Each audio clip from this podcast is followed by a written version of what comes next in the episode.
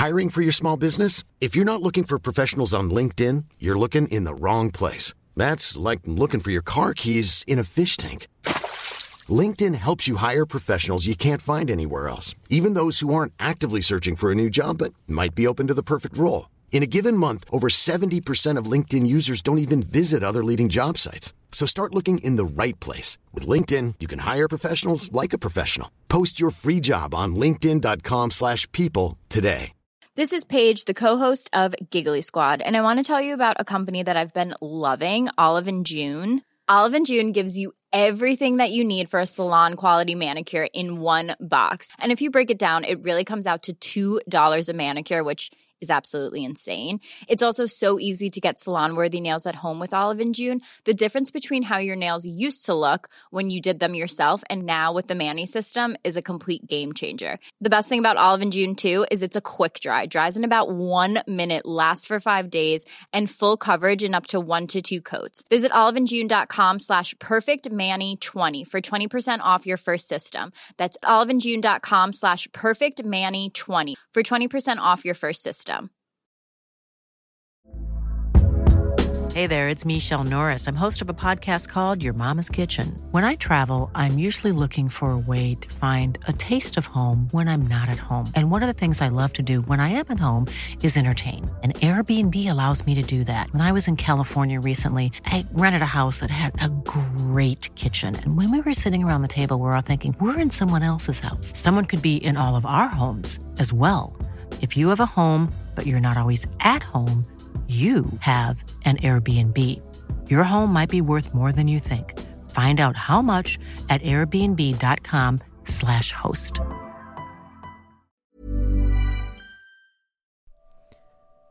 Johanna Wiberg är född 1983 och är uppväxt på Gunnesbo i Lund. I det här avsnittet av Lunds stolthet pratar vi om föräldraengagemang, kontrasten mellan träningsjackor som gick i arv i Eslöv och att flyga privatjet i Ålborg. Och hur Johanna idag försöker bidra med perspektiv till unga handbollsspelare i Lund. Det här är Lunds stolthet.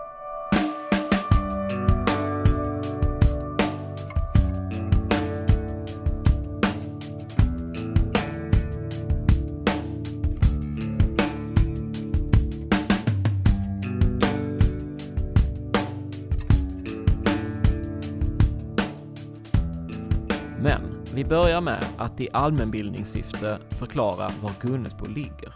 Eh, Så lite på landet kan man väl kalla det.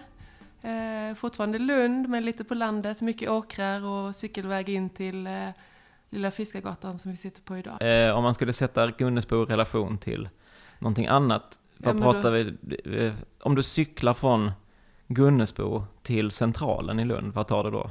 Ja, men då tar det en eh, 15 minuter max. 15 minuter, exakt.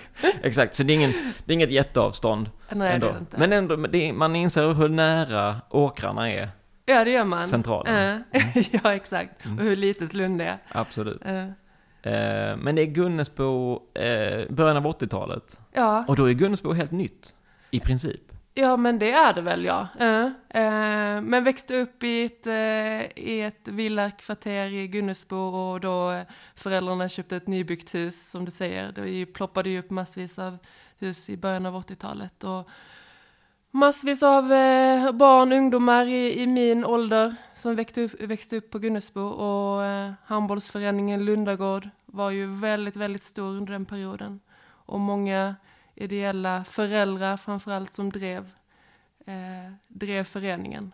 Eh, och mina föräldrar, min pappa, min mamma var två av dem. Det blev att många av föräldrarna eh, som, eh, som flyttade till, till Gunnesbo blev aktiva i föreningen på något sätt. Mm. För det var liksom stadsdelsföreningen. Ja, det var det verkligen. Inte minst. Ja, det var det. Började i bollskola som man gör när man är i, i fem sex års åldern. Mamma hade bollskolan eller boll, eh, bolllekis eller vad det kallas för och sen eh, eh, var pappa med en sväng och, och jag har en storebror som är tre år äldre eh, som också eh, spelade handboll under, under lång, lång period. Var han din tränare också? Han var aldrig min tränare. Nej. Eller på, kanske lite på, det var han ju säkert. På, Hem- hemma. hemma på, eh, på något sorts plank. Man stod och tränade skott och han kom säkert med massvis av experttips som han tyckte. Är det, är det Gunnesbohallen som det heter uppe på Gunnesbo? Mm. Är, det, är det där som är liksom epicentrum mm. för din barndom då kan mm. man nästan säga? Det är det verkligen. Eh, hela familjen tillbringar mycket tid där. Alltså jag kommer ihåg sommarkollo, jag kommer ihåg julavslutningar och jag kommer ihåg mamma stod och serverade eh, halvsunkiga varma wienerkorvar. Och, alltså jag kommer ihåg så mycket från Gunnesbohallen. Eh, och kommer ihåg cykelturerna dit för att träna och allting. Så att... Hur upplevde de när du sen gick vidare? För då var de ju liksom inte aktiva längre. Fick de någon form av abstinens av att inte få stå i hallen och servera mackor och träna och sånt?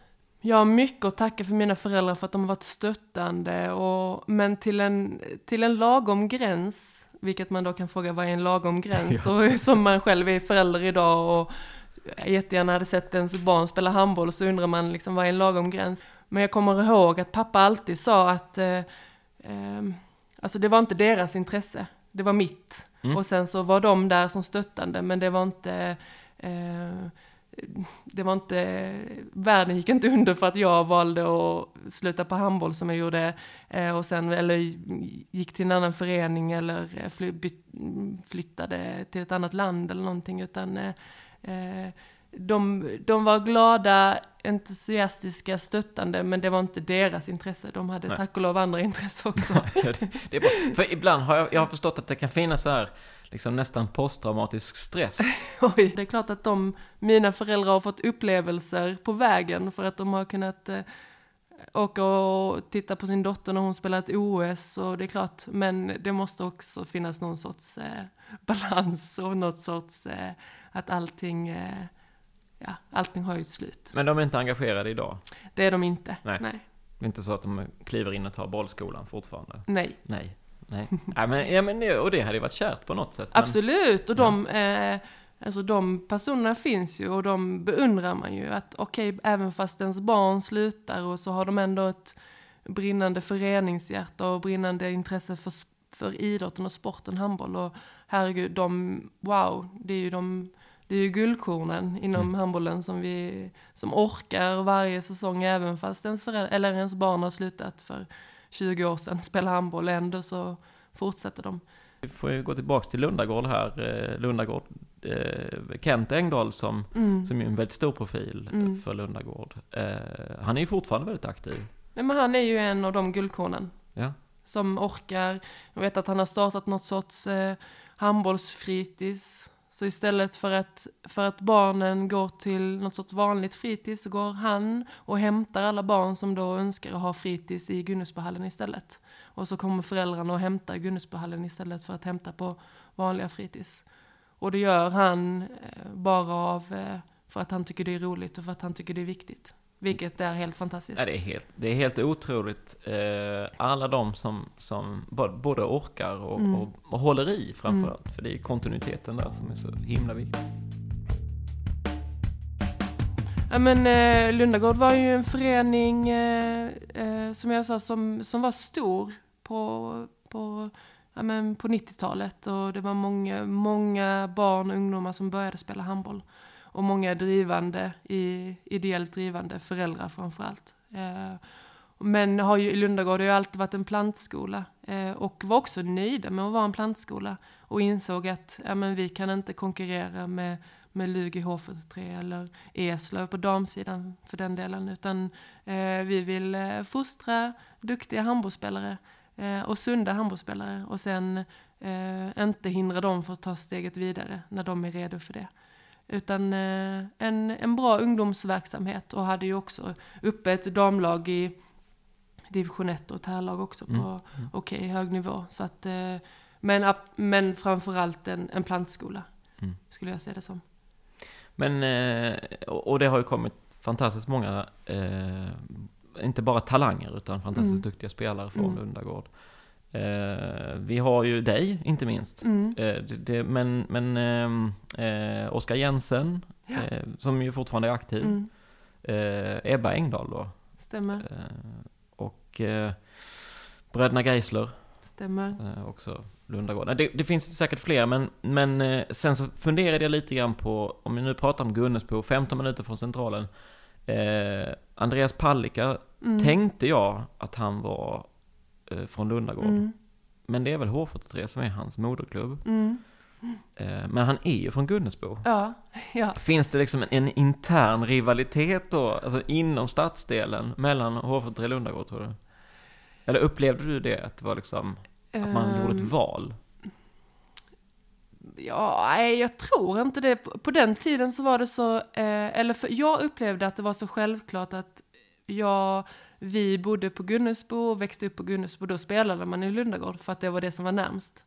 Eh, det fanns liksom inget, eh, inget, det fanns ju ett val, men jag såg inte det som ett val. Eller mina föräldrar kanske såg det inte som ett val. Utan det var självklart att man spelade där man bodde närmst. Eh, sen så det är klart att eh, en rivalitet för att eh, man möter ett, eh, ett annat lag i, i samma stad. Det, det finns ju såklart och, och fanns också på den tiden. Men ändå att eh, nej men Lundagård var Gunnesbo och det var där vi spelade för att vi bodde där. Eh, så att eh, han kanske tog ett aktivt val, men det var ingenting som... Han kanske bodde strax, lite, lite närmare järnvägen och gick över Nöbbelöv och började träna Jag har ingen H43. aning, det får, du, det får du undersöka. Ja, vi får kolla det med honom vid ett Ja. annat tillfälle. Vad är liksom din favoritposition som liten? Spelar du överallt? Ja men det, det gjorde jag. Eh, jag spelade överallt, eller inte målvakt, men jag spelade väl, eh, eller kanske framförallt på, på nio meter. Jag var, jag var lång redan eh, på den tiden och, och gillade att ta för mig. Är ni framgångsrika som Lag. Som lag? ja men det, det var vi väl till viss del. Vi hade två duktiga tränare, Kim och Figge, som, eh, som körde ganska hårt med oss. Och då eh, eh, jag gick upp och spelade med de som var ett år äldre, inte för att eh, jag var outstanding på något sätt, utan för att det inte var tillräckligt många som var födda 83. Så jag gick upp, vi var några stycken som gick upp och spelade med 82 istället. Eh, Så vi blev ganska eh, duktiga och kom eh, till steg fem i, i SM och så. Men där hade ni väl två ganska fina generationer? Alltså 82, just Lundagård, det är Ja. en ganska, Ja, en väldigt absolut. talangfull, Ja, både på, på herr och, På, och, eh, och dam. Eller kill och ja, tjej. absolut. Som det. Det var det. Både, både de som var födda 80 och 81, 82 eh, Eh, var duktiga både på, eh, på flick och pojksidan. Eh, Formulera en idé om att det var roligt, det hade jag ju redan märkt från, från starten. Eh, att jag tyckte att det var grymt kul att, att träna, jag tyckte det var jätteroligt att tillhöra ett lag och, och så. Eh, men jag tänkte ju aldrig så mycket mer på, eh, mer än att det var roligt. Alltså jag hade ju ingen aning om att det fanns ett landslag och jag hade inget, ingen aning. Men jag var ju i, i Gunnesbo-bubblan eh, väldigt, väldigt mm. mycket. Mm. Och sen så spelade man Lundaspelen och fick möta något tyskt lag och tyckte det var roligt och så. Men inte så mycket mer än det. Men sen så började jag ändå, eh, när det blev lite så här uttagningstider med Skånelag och, och lite så. Då fick man ju, började man märka att man fick lite mer uppmärksamhet. Mm. Eh, och att det var några tränare som tyckte att jag var lite extra duktig. Alltså jag har ju, alltså vi, det pratas ju jättemycket om talang, talang i dagens, eh, alltså när man pratar om idrott eh, överlag. Och det är klart att jag måste ha haft någon sorts talang eh, till viss del. Eh, men jag hade ju talangen som är det viktigaste, att orka göra jobbet, att orka träna. Mm. Och orka tycka det är kul och roligt att träna. Eh, den talangen eh, eh, har ju inte alla. Talangen att orka göra jobbet och så, den har ju varit större hos mig än bolltalangen. Så jag har ju alltid tyckt att det eh, varit roligt att träna, att jag alltid tyckt att det eh, varit roligt att eh, lägga ner jobbet, att gristräna om man kan uttrycka det så. Alltså jag har ju velat, jag har ju velat liksom... Vad är, vad är, om vi bara liksom definierar, vad är gristräning? Ja men då är det ju grisigt liksom. Ja. Då är det ju liksom, då kan man inte riktigt så här, då är det ju inte så mycket tid och så mycket antal, utan då är det bara att träna tills man stupar. Så man vet egentligen inte riktigt. Tränaren kan liksom inte riktigt säga hur många intervaller man ska skriva, springa eller hur lång tid man ska göra någonting, utan det är bara start och så gör man det man blir tillsagd till, vilket man tycker låter helt idiotiskt, men man bara gör det. Och sen så kör man det tills tränaren säger stopp. Och så tänker man, eh, efter att, fy Fabian, det är en gristräning ungefär. Ja, okej. Hur många gristräningar har du gjort i dina dagar? Äh, Senaste åren är det inte så många. Nej, nej okej. Nej. Men jag har gjort otroligt många. Ja. Jättemånga, för jag hade många träningar, eh, tränare som, som hade det som någon sorts filosofi också. Mm. Att eh, okej, vi är inte, vi kanske inte är bäst ehm, rent tekniskt, vi kanske inte är bäst rent eh, eh, taktiskt och så, men vi är i alla fall bäst tränade och vi Mm. ska, det ska vi finna ett självförtroende i Mm. och någon sorts lagkänsla. Så det har ju eh, jag har vunnit jättemycket matcher på. Och, men- or- vad orkar kötta ner folk? bara, or- ja, men och bara orka göra träningen och orka känna att okej, jag har gjort alla dessa passen. Det måste betala sig på något sätt. På nio meter så hade jag nog behövt lite mer av den rent handbollsmässiga talangen eh, Mm. som jag inte tycker riktigt att jag hade. Eh, som jag då eh, mer kan vara lite du kan inte vara utan den på mittsexpositionen, såklart inte. Men lite lättare att eh, ehm, leva mer på det jag har levt på under min handbollskarriär. Mm. Att, eh, att vilja, att våga, att synas, att ha för sig. Um, såklart behöver du det på nio meter också, men, eh, eh, ja, men jag var för dålig för att, eh, för att komma eh, så långt på nio meter.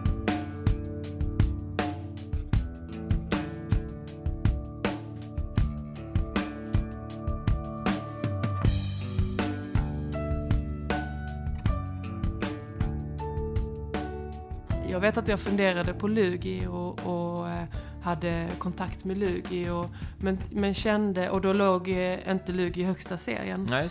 Eh, och Eslöv låg i högsta serien.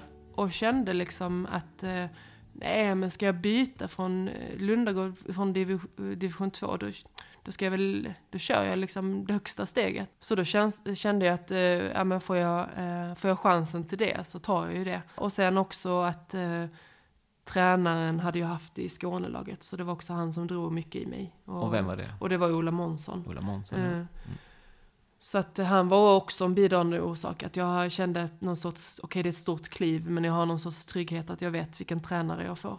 Men, men Eslöv då 2001, eh, de har ett bra projekt på gång Mm. som man gärna pratar om Ja. i, i eh, klubbsammanhanget. Mm. Vi har ett projekt på gång. Så, Ja men så kändes det. Det var Mm. någonting, men damhandbollen var på väg upp och eh, Claes-Göran Möller som startade det, han hade liksom en, en tydlig målbild och, och ja, men vi, det var ett gäng tjejer, eh, nej knappt kvinnor, vi var ju inte jättegamla, det var Mm. kanske några, det var några som var kvinnor, men vi gick in och alltså, fick presenterat en tydlig liksom, målsättning att det här är en jag vet inte om det var uttalat en treårsplan, men eh, att det här, eh, det här vill vi och det här ska vi eh, åstadkomma de, närmsta åren. Eh, och det köpte vi så fullt ut och la ner så otroligt mycket extra tid på eh, att lyckas som lag och tränade extra. Och så fick vi in en halvgalen Ola Månsson som trodde på gristräningar och också som startade något sorts projekt, var ung liksom och ett tränaruppdrag med oss. Och alltså det var sån otroligt, alltså sånt otroligt driv som liksom jag inte i stort sett inte har upplevt sedan dess faktiskt. För att det var något nytt och något... Eh... Och ni fick med er hela stan också? Ja, absolut. Fick Ja. med oss hela eh, stan och ja, men verkligen ett klubbhjärta och, och en liten hall, men som vi fyllde till, till bredden varje match och ett, ja, men ett otroligt driv och ett otroligt liksom, hjärta. Alltså vi tjänar inga pengar och vi eh, nej, men fick inga, ingen speciell utrustning. Jag kommer ihåg när jag kom till klubben, jag ärvde en, jag ärvde en, eh, en eh, träningsoverall som någon hade haft innan mig. Det väl liksom, och det var inte något jag ifrågasatte. I rätt storlek? ja, i rätt storlek.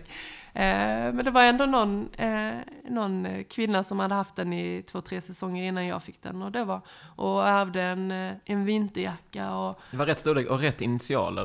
Rätt- den här får du ta. Det var ju, det var ju bara ett klubbmärke, Ja. så då kunde den ju gå till olika, olika individer. Men, och det tänker man, alltså jag skrattar åt det idag och tänker tillbaka, alltså det hade ju aldrig gått med en damspelare idag. Eh, men det var liksom, det gick då och vi bara brann för det och det var liksom helt självklart eh, att, eh, ja men wow, jag får en vinterjacka som jag kan ha i januari månad när vi ska åka till Stockholm och spela mot Skuru. Det var bara wow, det engagemanget och det drivet, det är eh, Ja men det var galet när jag tänker tillbaks, som jag egentligen inte kan, eh, som fanns, fanns till viss del såklart också när man satsade inför ett OS och så, men på helt andra medel. Eh, ni är väldigt framgångsrika här. Mm, Vinner SM-guld, mm. inte bara en gång. Två gånger, mm. eh, två SM-guld och så ett, eh, ett silver. Eh, så det var ju en, eh, ja men tre säsonger där, där det var hände mycket kring Eslöv och det var, gick bra för oss och vi utvecklades. Och, och det kändes som du, tog, du gjorde rätt val. Ja men det, ja. I flytten. Ja men eh, det tycker jag. Jag är såklart jätteglad över mina tre år i, i Eslöv och tacksam över den tiden. Och stod väl också inför eh, något sorts vägval där efter tre säsonger i Eslöv och då började jag märka att det fanns en annan, en annan eh, eh, större del, alltså större liga också, och den danska ligan började jag också började bli intresserad av mig. Eh, och kände också att antingen så gör jag det, eh, jag, jag vill inte stanna i Eslöv längre. Inte för att inte jag trivdes i Eslöv, men jag hade gjort det i tre år och hade spelat tre SM-finaler och kände att nej, nu kan jag detta här just nu. Så antingen slutar jag på handboll och gör något annat, eller så måste jag flytta på mig utomlands.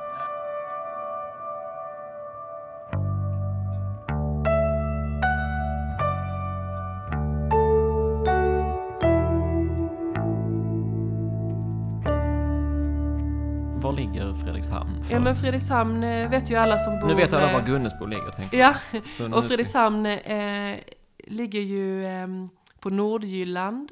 Eh, så ska man ta sig till Skagen så liksom kör man förbi längs Skagen högst upp i, i Danmark. Eh, men eh, Göteborg tar man färjan över till Fredrikshamn. Så mm. många mm. göteborgare tar ju färjan över till Fredrikshamn och är det göteborgarnas Helsingör? Kan jag tänka mig att det är ungefär. Eh, jag bodde ju mitt på gågatan i Fredrikshamn och eh, fredag, lördag nätter vaknade jag ju inte av att det var danskar som stod och skrek på, på eh, gågatan utan det var mycket svenska mm. ungdomar som var där och familjär klubbkänsla, Fox och stannade i... Eh, och Fox heter de? Fox eh, hette de tyvärr. Ja, ja, ja, just det. Mm. Men, och Fox för att? Eh, men det var är det ju, Räv? Ja, exakt. Ja, ja. Det var deras klubb, eh, eh, Räven, deras klubbmärke. Mm. Som spelade... Füchse Berlin? Mm, ja, mm. exakt. Mm. Uh. Spelade där två år, eh, två säsonger eh, och hade första året Ola som tränare, Ola Månsson. Så det var också lite han som tog med mig till Fox. Ah, han flyttade dit mm. eh, först eller? Eh, ja, kanske någon vecka innan mig, Jaha, men okay. inte mer än så. Utan jag och Ola och Lina och Alexandra Möller eh, fick dem väl som ett paket, kan jag tänka mig. Något mm. sånt. Eh, mm. Eh, och Ola var där ett, en säsong och jag var där två säsonger. Eh, och två säsonger i danska ligan gjorde att jag också fick fler förfrågningar och gjorde det bra där. Så att kom till bättre lag eh, efter det. Fox eh, var fantastiskt rent familjärt och var perfekt steg, steg för mig för utvecklingen. Men eh, kom sen till, eh, flyttade några, några kilometer ner söderut till Ålborg, fortfarande Nordjylland. Och spelade där en säsong i Ålborg. Och upplevde kanske nästan det största till viss del i Ålborg på klubbnivå.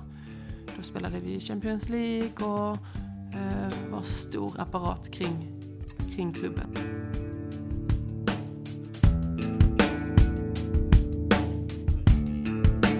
Som säkert många beskriver det så är det klart att det var, eh, var tuffare att komma till en bättre liga.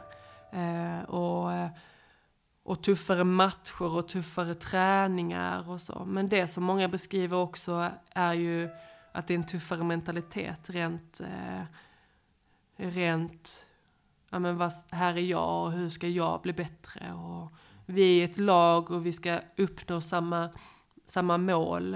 Eh, men eh, kanske inte så mycket mer än det.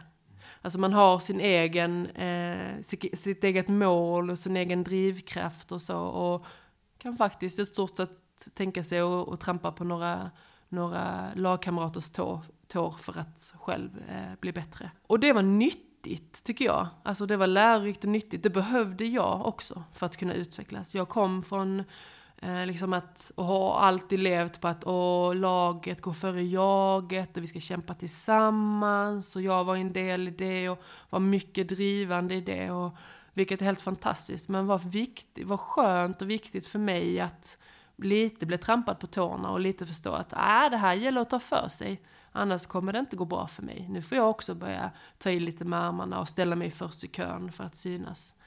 Eh, så att det var ett viktigt steg för mig. Annars så tror inte jag att jag hade spelat så många landskamper och spelat, kanske inte heller tyckt att det var så roligt under så lång period som jag tyckte. Eh, medialt i Danmark var ju större än vad det är idag. Mm. Alltså då var ju den danska kvinnohandbollen eh, var ju otroligt stor. Mm. Alltså det sändes ju i stort sett alla matcher och det danska eh, landslaget var ju så stora profiler och eh, handbollen i Danmark idag på kvinnosidan, på, på damsidan, flicksidan, är ju inte lika stor. Nej. På grund av att det inte går lika bra för eh, det danska landslaget. De har backat lite grann. De har backat mm. lite, ja. Mm. mm. Ja, de kommer ju ofta med hög svansföring. Mm. Inför mästerskapen ja. till exempel. Ja. Eh, så även nu. Vi har ja. precis avslutat ett VM i, ja. i Japan. Ja. Eh, och det var ju samma sak in i det mästerskapet. Att de kom in med det som att Ja, det är topp tre. Ja. Och Åtminstone. Så, ja, och så blir de sågade i media för att de bara kommer nio eller vad de slutar till slut.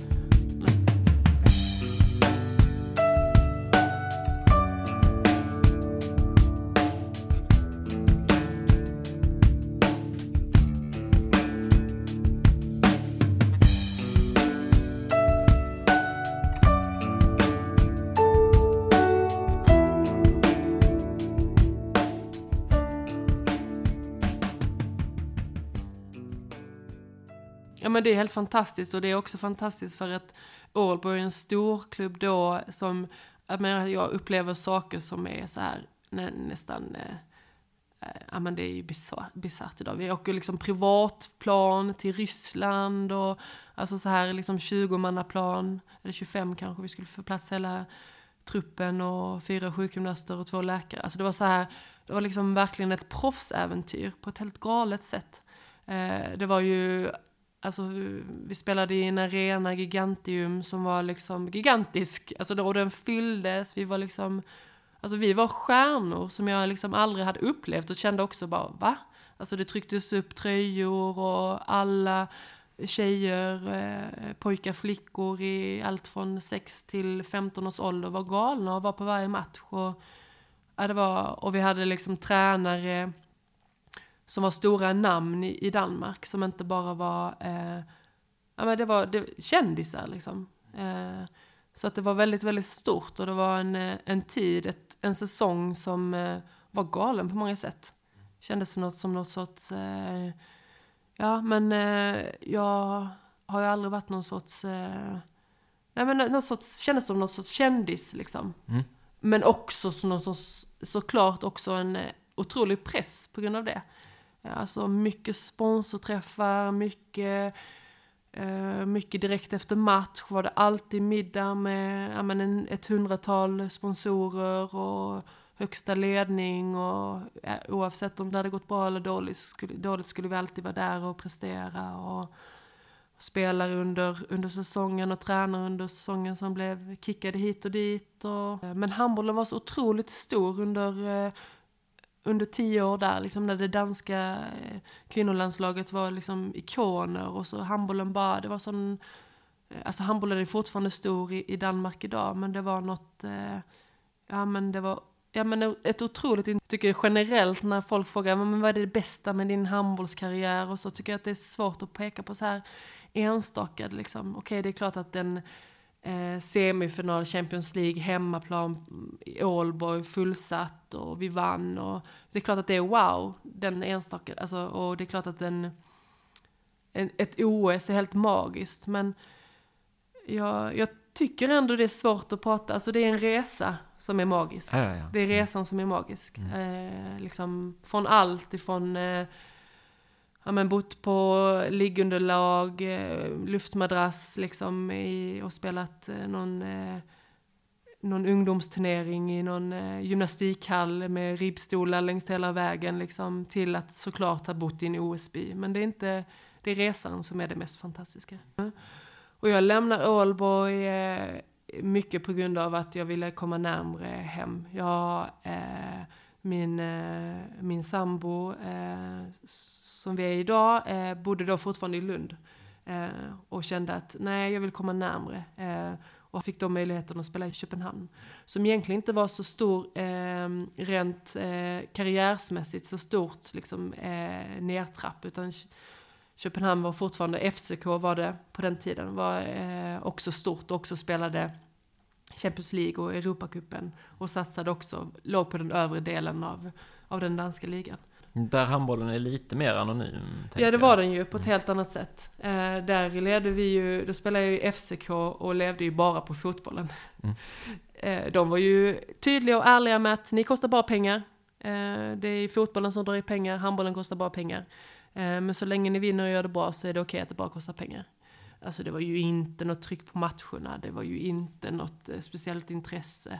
Utan eh, handbollen var ju bara, bara en jätte, jätte, jätteliten del i, i stora Köpenhamn såklart med allt annat, men också i FCK där fotbollen var allt. Men efter att ha tre år eh, i, i den danska ligan och tre år där det var lite mer familjärt och där det var lite mer så kändes det ändå okej att komma till Köpenhamn. För rent, rent handbollsmässigt och karriärsmässigt så var det inget steg neråt utan det var bara ett steg neråt rent, vad ska man säga, uppmärksamhetsmässigt var det ju inte alls på samma sätt. Det blir ju så naturligt, är du proffs och tjänar pengar på att spela handboll så blir det ju någon sorts, eh, det du beskriver som att du alltid är på. Eh, alltså, jag kommer ihåg känslan av att alltså, onsdagen var den bästa dagen om man inte hade match. Alltså helgen gick aldrig att liksom, för då var det alltid match. Alltså ha en ledig lördag, men man visste att man spelade söndagen. Ja men du var inte ledig. Man tänker handboll hela tiden, man tänker vad ska jag äta för att jag ska prestera så bra som möjligt. När ska jag sova, jag måste gå och lägga mig. Medan onsdagen kanske man tränade på förmiddagen och sen var man ledig på kvällen. Och den dagen var din bäst och då kunde du bara slappna av. För jag visste att det är inte match imorgon, det är bara träning imorgon, två träningar. Så den känslan på en onsdag när man bara tränar på morgonen, förmiddagen, det var liksom den bästa känslan. Det var det bästa att kunna koppla av. Men kunna koppla av på julen eller kunna koppla av på sommaren eller så, det, det fanns inte. Nej. För man visste alltid, du hade alltid program att följa, du hade alltid, eh, ja men, eh, ja, det var ju mitt jobb, så jag skulle ju prestera och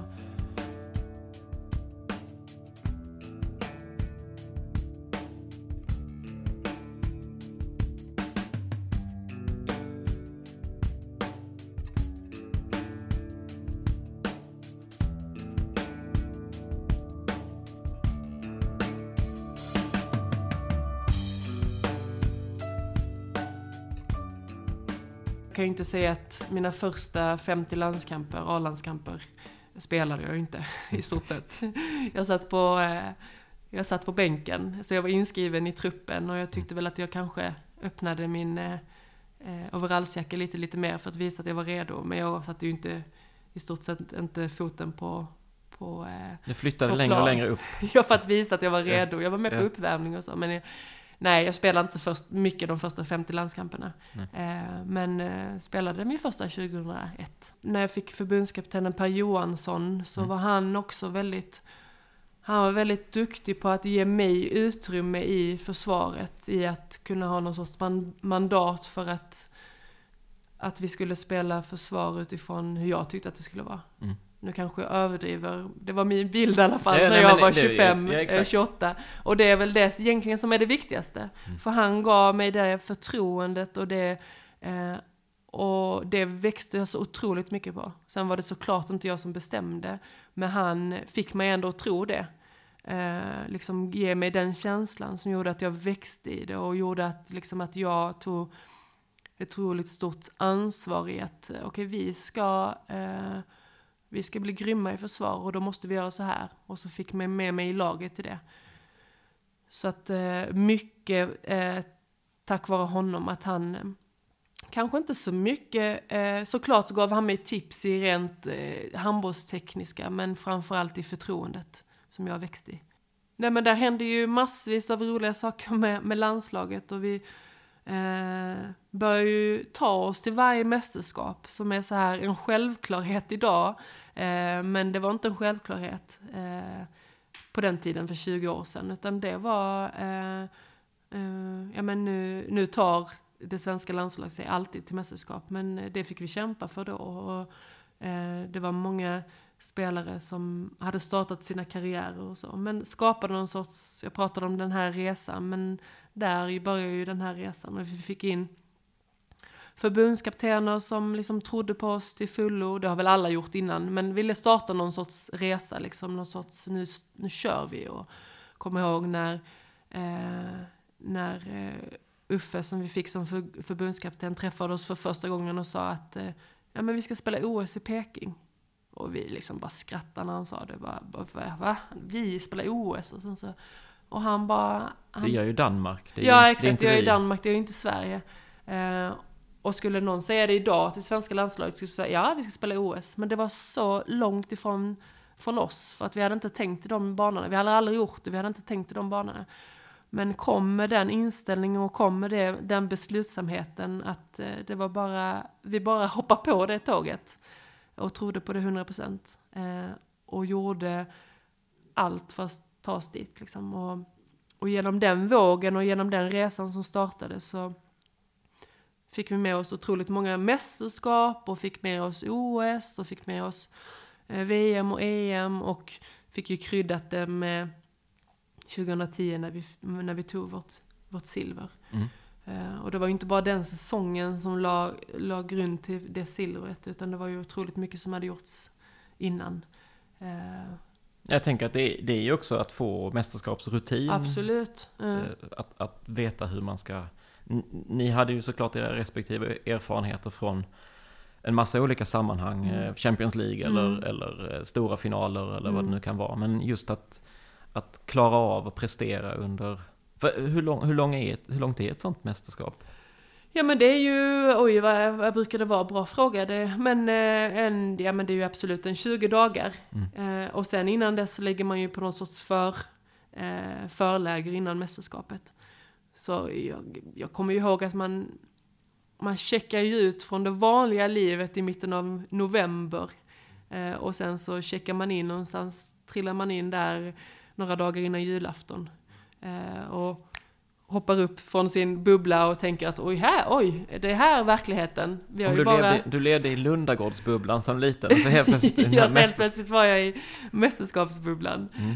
Så man bara tänker att, eh, nej, det är väl bara allt som kretsar här. Mm. Nästa match, nästa mål, nästa måltid, nästa vilopaus mitt på dagen, vilket var det bästa. Alltså det var, och så helt plötsligt, oj, det är en värld här hemma som pågår samtidigt också.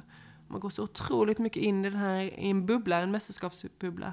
Som är så otroligt härlig att leva i. Eh, men också lite skrämmande när man kommer hem bara, oh, ja just det. Eh, det är så här det är. Eh, är det, jag funderar på det, är det därför som de flesta lagidrottare går runt i sådana här eh, flipflops alltid? För att man, man slutar bry sig någonstans, man lever ändå i den här bubblan så att när, hur som helst så kan man alltid gå runt i det. Man har nästan, ser nästan aldrig dem gå runt i riktiga skor. I riktiga skor, nej. Ja men du vet man bara, eh, du, du glider mellan, eh, mellan hotellet och en en tränings, liksom, en träningsarena eller matcharena. Uh, jag vet inte om det är en, en nackdel av bubblan eller om det bara är en lathet slash uh, någon sorts, uh, uh, jag vet inte, norm eller någon sorts att man ska ha det som mm. handbollsspelare, jag vet inte. Ja, det är de här badskorna. Bad, med strumpor i. Badtofflor ja. med vita tubsockor i. Då Dessutom, det är förbjudet på alla nivåer. Ja, ja annars. Ja, ja, ja jag håller med. Ja. När ni gick in i det mästerskapet, uh, var, var, det någonting som kändes som att, alltså hade ni det danska självförtroendet att ja, det är topp tre? Mm. Eller var det?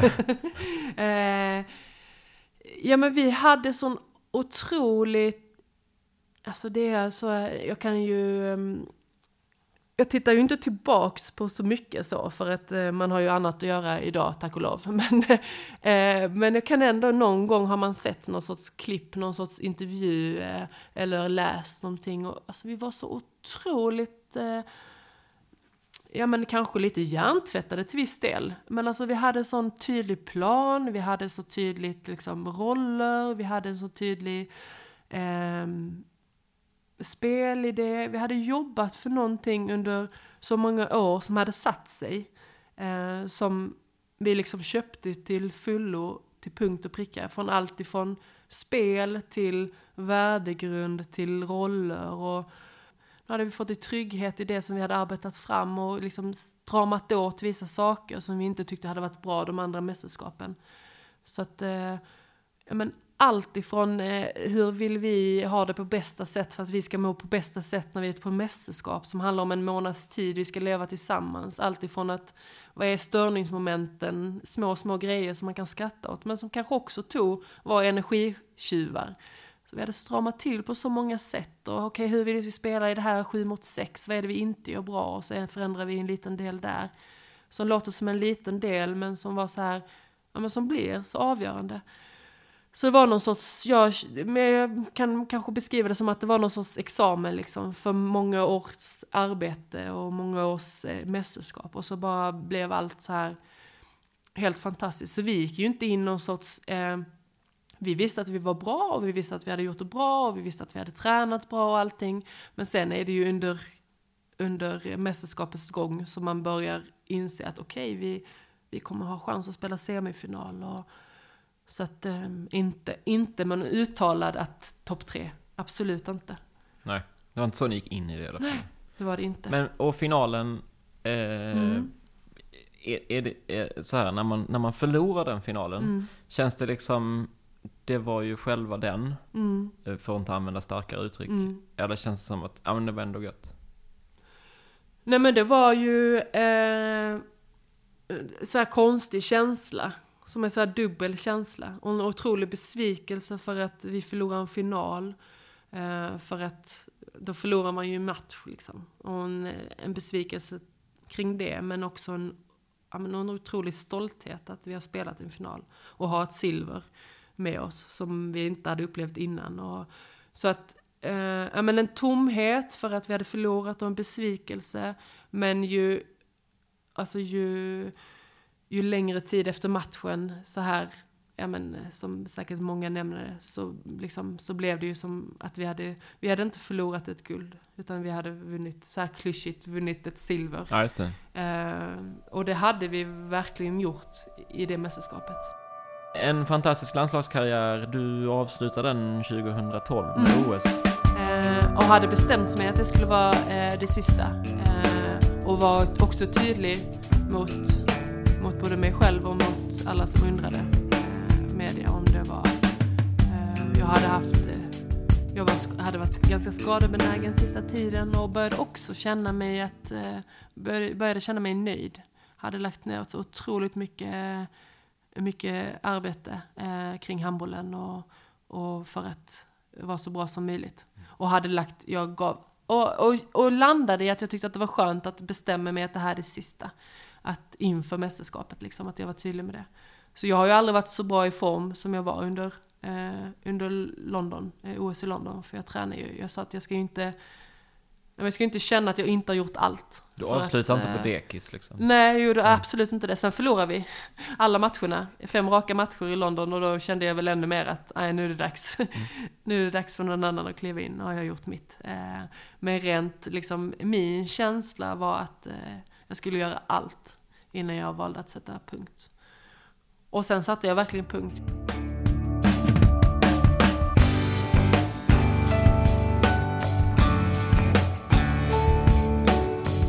Och sen så eh, lägger jag skorna på hyllan och, och tänker ju också mycket där att eh, nej nu ska jag göra allt annat än att hålla på med handboll och, och så. Nu, det finns så mycket annat jag vill göra och, och sen går det några månader och så känner jag att eh, oj vad är det då? det är liksom, eh, ja men resa Ja men du har fått ganska och, mycket tid på, på händerna som man säger. Ja, jag har ju fått det att resa och så, ja men det är klart att det är helt fantastiskt, men det kan jag inte göra hela tiden. Och, eh, och då ringer eh, Dragan mig eh, och han är ju då eh, ja, men, tränare för ett fantastiskt liksom, lag i, i Lugi och som ligger i toppen av den, den svenska ligan och säger att eh, han presenterade på också på ett så fantastiskt sätt. Mm. Att liksom att, att han, eh, ja, men han vill ha mig som assisterande för att han eh, eh, inser att jag har egenskaper som inte han har, som han tror lyfter laget till att prestera bättre. Vilket är väldigt ödmjukt av honom att eh, vara ärlig med det och också gör mig att wow, eh, vad kul. Eh, jag ska inte bara komma och vara någon assisterande utan jag kan också bidra med någonting. Eh, så han fick ju mig till att bli intresserad av att vara eh, tränare och assisterande tränare för att han presenterade det på ett sätt som att jag gjorde att jag blev, också för att det var eh, ett lag i högsta ligan och i toppen av högsta ligan, att det kändes spännande. Då pluggade jag ju eh, klart till lärare eh, och så var jag då assisterande eh, i Lugi dam.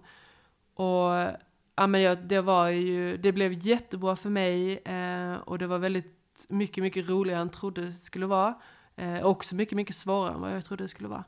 Alltså om jag tänker så här, ja men jag har spelat handboll sedan jag var sex år och jag har ju spelat landskamper och det kan väl inte vara så svårt. Och sen så bara, åh, Jesus vad svårt det är att vara tränare.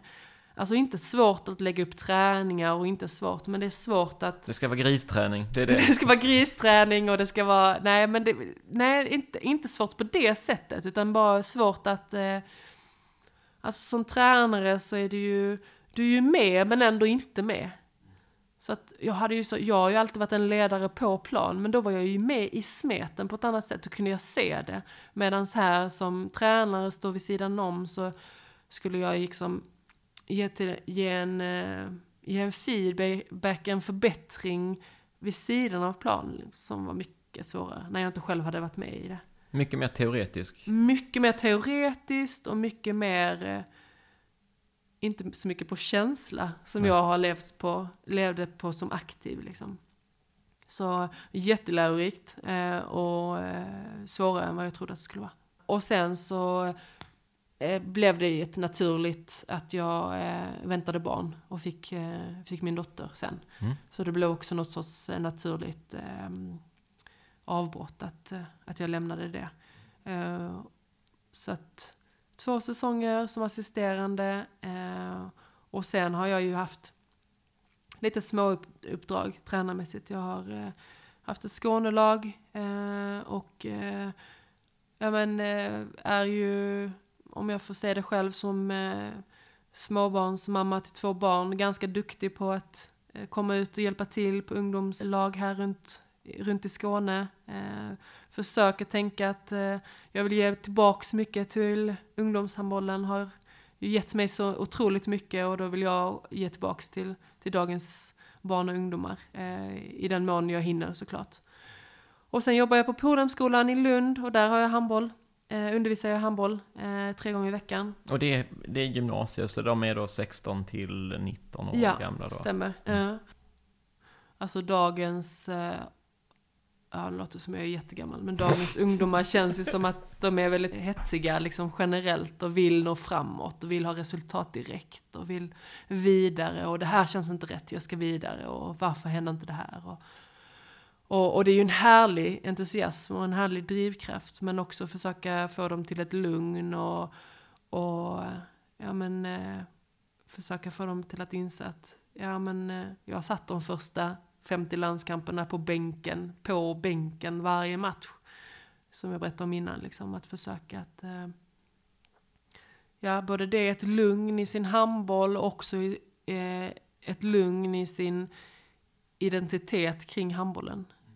Att, eh, att försöka att se att eh, det är jag som väljer att spela handboll. Alltså jag, det här är, kan också låta klyschigt, men jag tycker ändå det på något sätt talar mycket. Att jag har ju också försökt att hela tiden och med sunda föräldrar tänka att ja, men det är Johanna som väljer att spela handboll. Det är mitt val. Jag är inte handbollsspelaren Johanna. Alltså det är liksom två, jag tycker det är två olika saker. Liksom. Att jag väljer att spela handboll och sen är jag en, alltså jag är, det är klart att det är min person kommer in när jag väljer att spela handboll. Men jag är inte hela tiden handbollsspelaren Johanna. Liksom. Man måste bygga min, min identitet kring något annat. Det kan gå jäkligt fort med saker och ting. Och handbollen, alltså vi, vi kan uppleva saker och vi kan tjäna pengar och allting. Men inte inte så att vi kan bygga hela vår identitet kring handbollen. Nej. Och inte nyttigt heller, tror det, jag. Det, det är ett tungt fall. Mm, det är det. Eh, I, I, alla satsningar såklart. Ja. Men i det här fallet, det är ett tungt fall om, om det går illa väldigt tidigt. Det är ett tungt fall och det är heller inte nyttigt att bygga sin identitet kring bara handbollen. Liksom. Nej. Tror inte jag. Eh, men jag, förs men jag försöker liksom vara öppen inför, inför dem. Att ja, men bara för att du inte blir uttagen nu så betyder inte det. Och så det här klassiska liksom att det är landslagsspelare idag som inte har varit på regionsläger och som inte har spelat J och U-landskamper och så. Men också någon sorts förståelse kring att, att det är just det som driver dem just nu. Att det brinner för dem just nu och att, att lyfta dem i det. Eh, så ja, den här klassiska balansen liksom. Eh, att eh, att det ska vara lagom mellanmjölk. Men du är också gymnasielärare i psykologi? Mm, stämmer. Jag har alltid varit intresserad av människor och av människan och alltid varit intresserad eh, av, eh, av eh, varför en person är så och en annan person är, är, på ett annat sätt. Och alltid varit intresserad av människor liksom, och människan och grupper och så. Det är ingen slump att jag blev lagkapten. För att jag har varit intresserad av, av mitt lag, liksom, av mina lagkamrater. Inte bara att vi ska eh, bli, prestera så bra som möjligt utan också över dem som människor. Nu sitter du också i elitkommittén i Lugi. Mm. Den viktigaste delen vi gör är att, eh, att vi är eh, spelarkontakter till dam och herrlaget. Mm. Så då eh, är vi alla, vi som sitter i elitkommittén, vi har blivit tilldelade fyra, fem spelare som har oss som närmsta spelarkontakt. Eh, och det tror jag och upplever eh, att det är jätteviktigt och nyttigt för dem. Tänker att man kanske kommer från eh, Antingen så är man en ung spelare eller så kommer man från en annan del av Sverige och flyttar hit och man behöver någon Lugi är en fantastisk förening och fungerande på många sätt. Men det är också en stor förening. Att man som enskild spelare kan vara, att det kan vara svårt att vem ska jag ta kontakt med? Alltså när det handlar om det här eller om det handlar om det här eller vad, vad som helst. Och så kanske det inte handlar om någonting som jag ska prata med min tränare om. Eller, eller så kanske jag inte vill prata med min tränare om det eller så. Att man har oss eh, i ett stöd där som vi träffar fyra, fem, sex gånger per säsong. För att eh, ja, men prata om deras situation rent handbollsmässigt, speltid, rent utvecklingsmässigt men också deras mående och hur de ska eh, må bra som den här helheten som jag pratade om innan som jag vill skicka med mina gymnasieelever. Eh, försöker jag också prata med mina eh, dam herrspelare i, i Lugus A-lag. Sen gör vi såklart jättemycket annat, tar beslut vad gällande eh, trupperna och tränare och eh, ungdomsverksamheten och eh, allting. Eh, eller allting är det inte, men mycket sådana beslut som vi också tar. Men skulle jag peka på en, eh, det viktigaste, så skulle jag faktiskt peka på det. Spelar dina barn, spelar de boll? Ja, men de är, är väl lite så bollläx eh, eh, aktiva är de. Eh, den äldsta i alla fall, som är fem.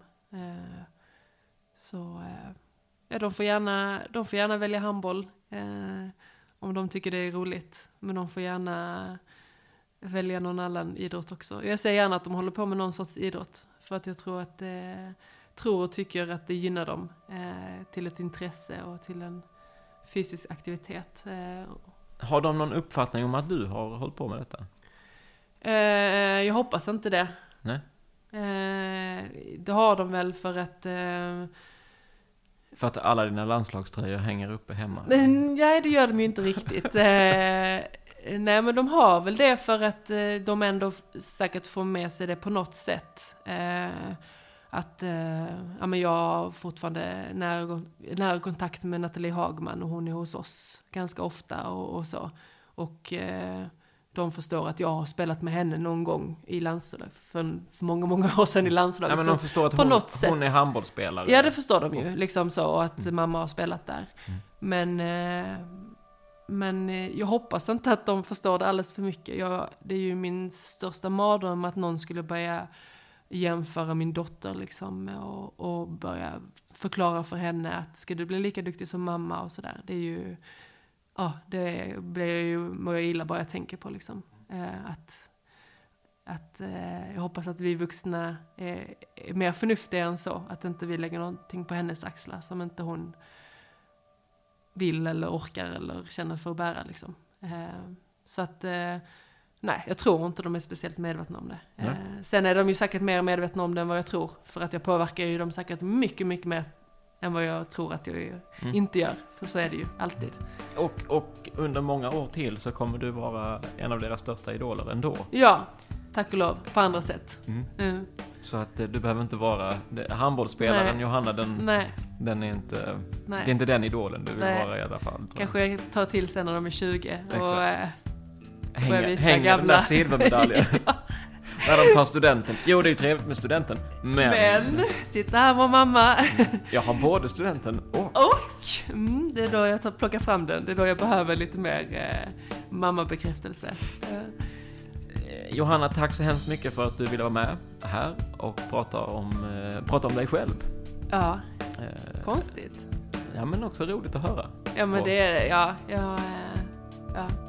Ja men det, är- det är alltid kul att minnas tillbaks lite. Ja man får så här varm känsla och tänka tillbaks lite på vad man faktiskt har gjort.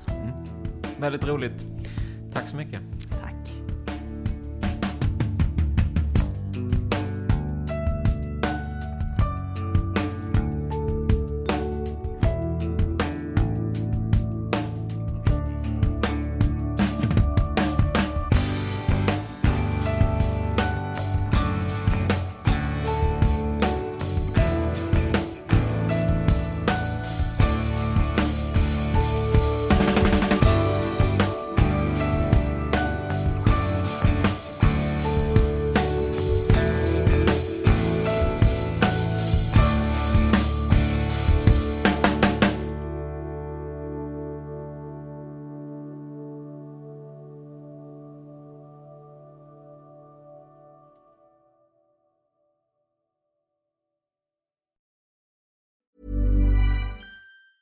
Normally, being a little extra can be a bit much, but when it comes to healthcare, it pays to be extra.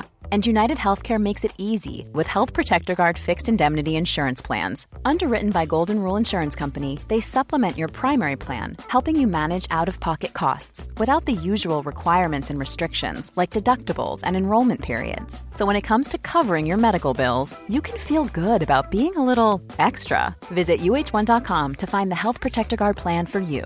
Mom deserves the best, and there's no better place to shop for Mother's Day than Whole Foods Market. They're your destination for unbeatable savings, from premium gifts to show-stopping flowers and irresistible desserts. Start by saving 33% with Prime on all body care and candles. Then get a 15-stem bunch of tulips for just $9.99 each with Prime. Round out Mom's menu with festive rosé, irresistible berry chantilly cake, and more special treats. Come celebrate Mother's Day at Whole Foods Market. Confidence starts with loving who you are. And when your skin feels nourished and glows on the outside, you naturally radiate confidence from the inside. Give your skin a glow up with Osea's clinically proven Mega Moisture Duo. This ultra hydrating body care features two of Osea's best sellers, Undaria Algae Body Oil and Undaria Collagen Body Lotion. These seaweed powered heroes use skincare level ingredients normally reserved for your face for results you can see and confidence you can feel.